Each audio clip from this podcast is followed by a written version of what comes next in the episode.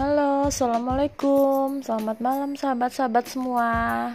Perkenalkan, nama saya Widi Restisari, panggilannya Widi, alumni atau lulusan dari Sekolah Menengah Pertama atau SMP Kartika atau SMP Persit tahun 2000. Kebetulan sudah uh, menikah dan mempunyai dua orang uh, seorang putri dan seorang putra dan kebetulan sekarang aktif sebagai tenaga pendidik di atau guru di salah satu SD negeri di Bandar Lampung.